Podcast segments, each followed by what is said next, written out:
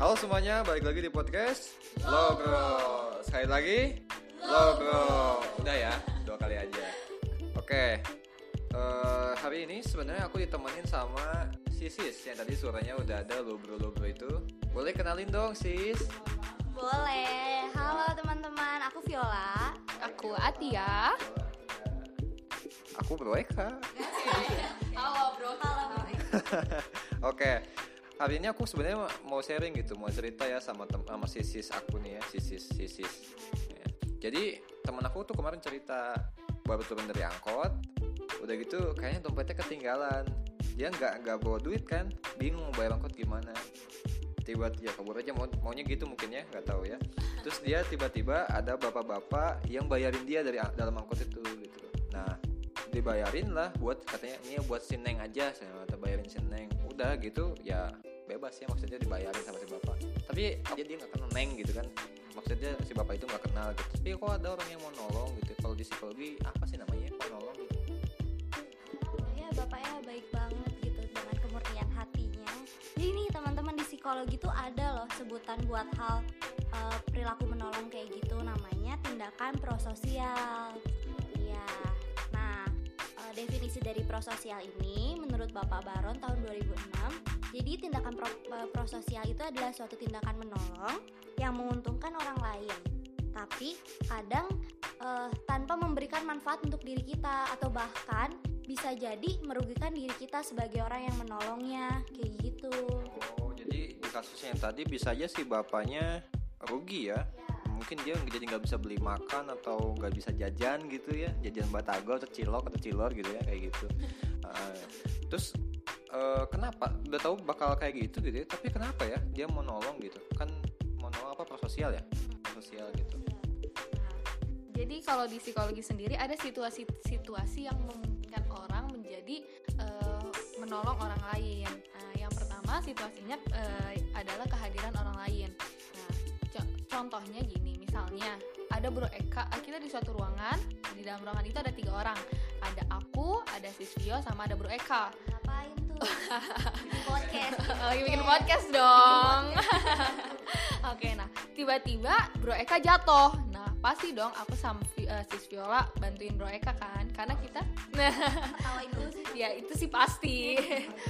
Nah kemudian selanjutnya pasti kita tolong dong, karena kita punya tanggung jawab eh, besar untuk menolong Eka di situ. Nah coba sekarang kita ganti situasinya. eh, di pinggir jalan tiba-tiba ada Bro Eka jatuh dan di situ ada banyak orang. Nah, kemungkinan eh, aku sama Sis Vio menolong itu akan lebih kecil. Nah, hal ini juga yang disebut dengan bystander effect yaitu Iya, bystander effect. Bystander effect itu adalah berkurangnya tanggung jawab ketika ada kehadiran orang lain untuk menolong. Nah, itu situasi pertama. Nah, kemudian ada situasi kedua. Situasi kedua itu adalah kondisi lingkungan. Jadi lingkungan fisik ini juga bisa mempengaruhi orang eh, akan menolong atau enggaknya.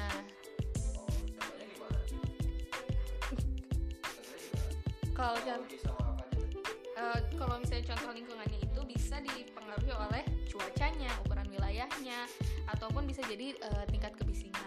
Oh gini gini, aku pernah waktu itu aku lagi bareng teman aku nih naik motornya, terus ada orang mogok pinggir jalan. Lagi panas banget, sumpah tengah hari ya dari Jatinangor. Nah, kasian sih, cuman gak kuat ini gak kuat gitu. Jadi, aduh panas banget pengen nolong tapi panas gitu. Jadi akhirnya gak nolong. Waduh, mungkin seri- aduh maaf ya buat bapak-bapak yang waktu itu mogok. Aduh aku minta maaf. Kayak gitu kali ya. Iya. nah tadi kan udah disebutin tuh kenapa orang-orang mau nolong ya lanjutannya ada lagi nggak sih selain? Ada nih kalau misalnya menurut eh, Sears yang ketiga adalah kestet- ketersediaan waktu. Jadi kalau misalnya kita lagi buru-buru nih, misalnya eh, mau berangkat kuliah udah telat, terus tiba-tiba eh, di, di pinggir jalan kita nemuin ada orang jatuh. Nah kemungkinan kita untuk menolong eh, orang tersebut itu akan lebih kecil ketika kita misalnya punya waktu senggang. Itu sih kalau misalnya dari situasi. Dia Menurut jadi Santai. Santai. Iya benar. oke selain itu ada lagi nggak Eh, kalau misalnya itu menurut Sears sih ada tiga. ada tiga itu ya berarti nah kalau menolong tuh harus kayak gimana sih bentuknya apakah harus setiap orang jatuh tuh kayak gimana gitu Eh, dari tadi contohnya orang jatuh mulu ya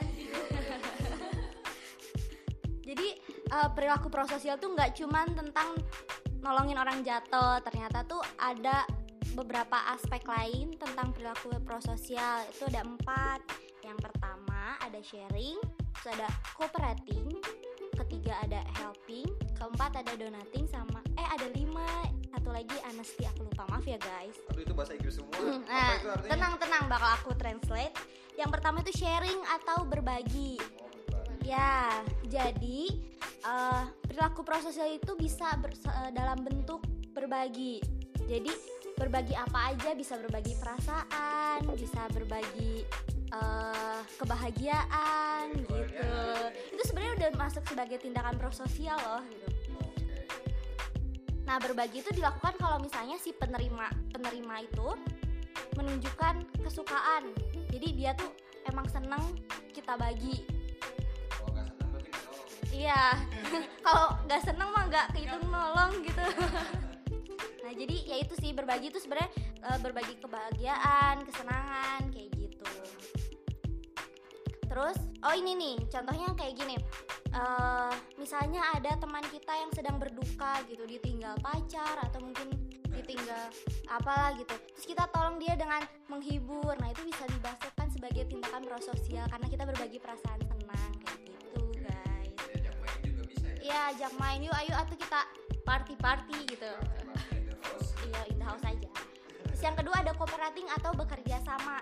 Nah, jadi eh ini tuh kesediaan untuk bekerja sama dengan orang lain demi tercapainya suatu tujuan gitu. Contohnya kayak di dalam suatu tim, dia tuh bangun buat bekerja sama-sama biar kita bisa mencapai tujuan itu juga termasuk sebagai tindakan prososial loh. Kayak gitu, guys. iya. Iya, tuh buat yang suka kerja kelompok hilang-hilangan, aduh, Wah, nggak bukan pro. Bukan prososial ya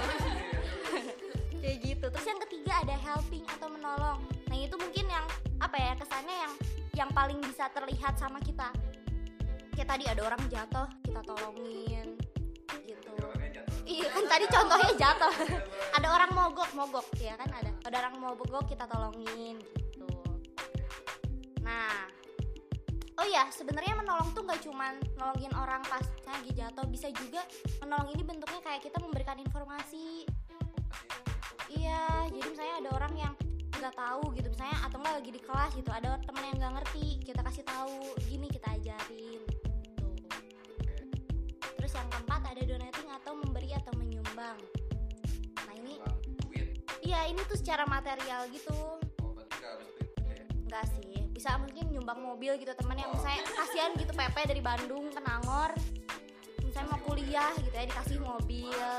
Sosial itu ya. sosial banget Contohnya itu bapak-bapak yang tadi yang ke temennya Bro Eka. oh yang ngasih uang itu ya. Oh, itu materi ya Ya itu bentuknya materi kan. Yang kelima ada honesty atau kejujuran. Ternyata perilaku jujur kita itu bisa termasuk tindakan prososial loh. Jadi ini tuh ketersediaan kita buat nggak berbuat curang sama orang lain, nggak mengkhianati teman kita, nggak nusuk dari belakang. aduh nusuk dari Nah. belakang kayak siapa Kayak gitu itu tuh termasuk tindakan prososial Bro Iya, itu masuk tindakan prososial loh. Saya kita nggak mengkhianati Oh, teman-teman nggak, kita. gitu ya. Ya, jadi ada lima.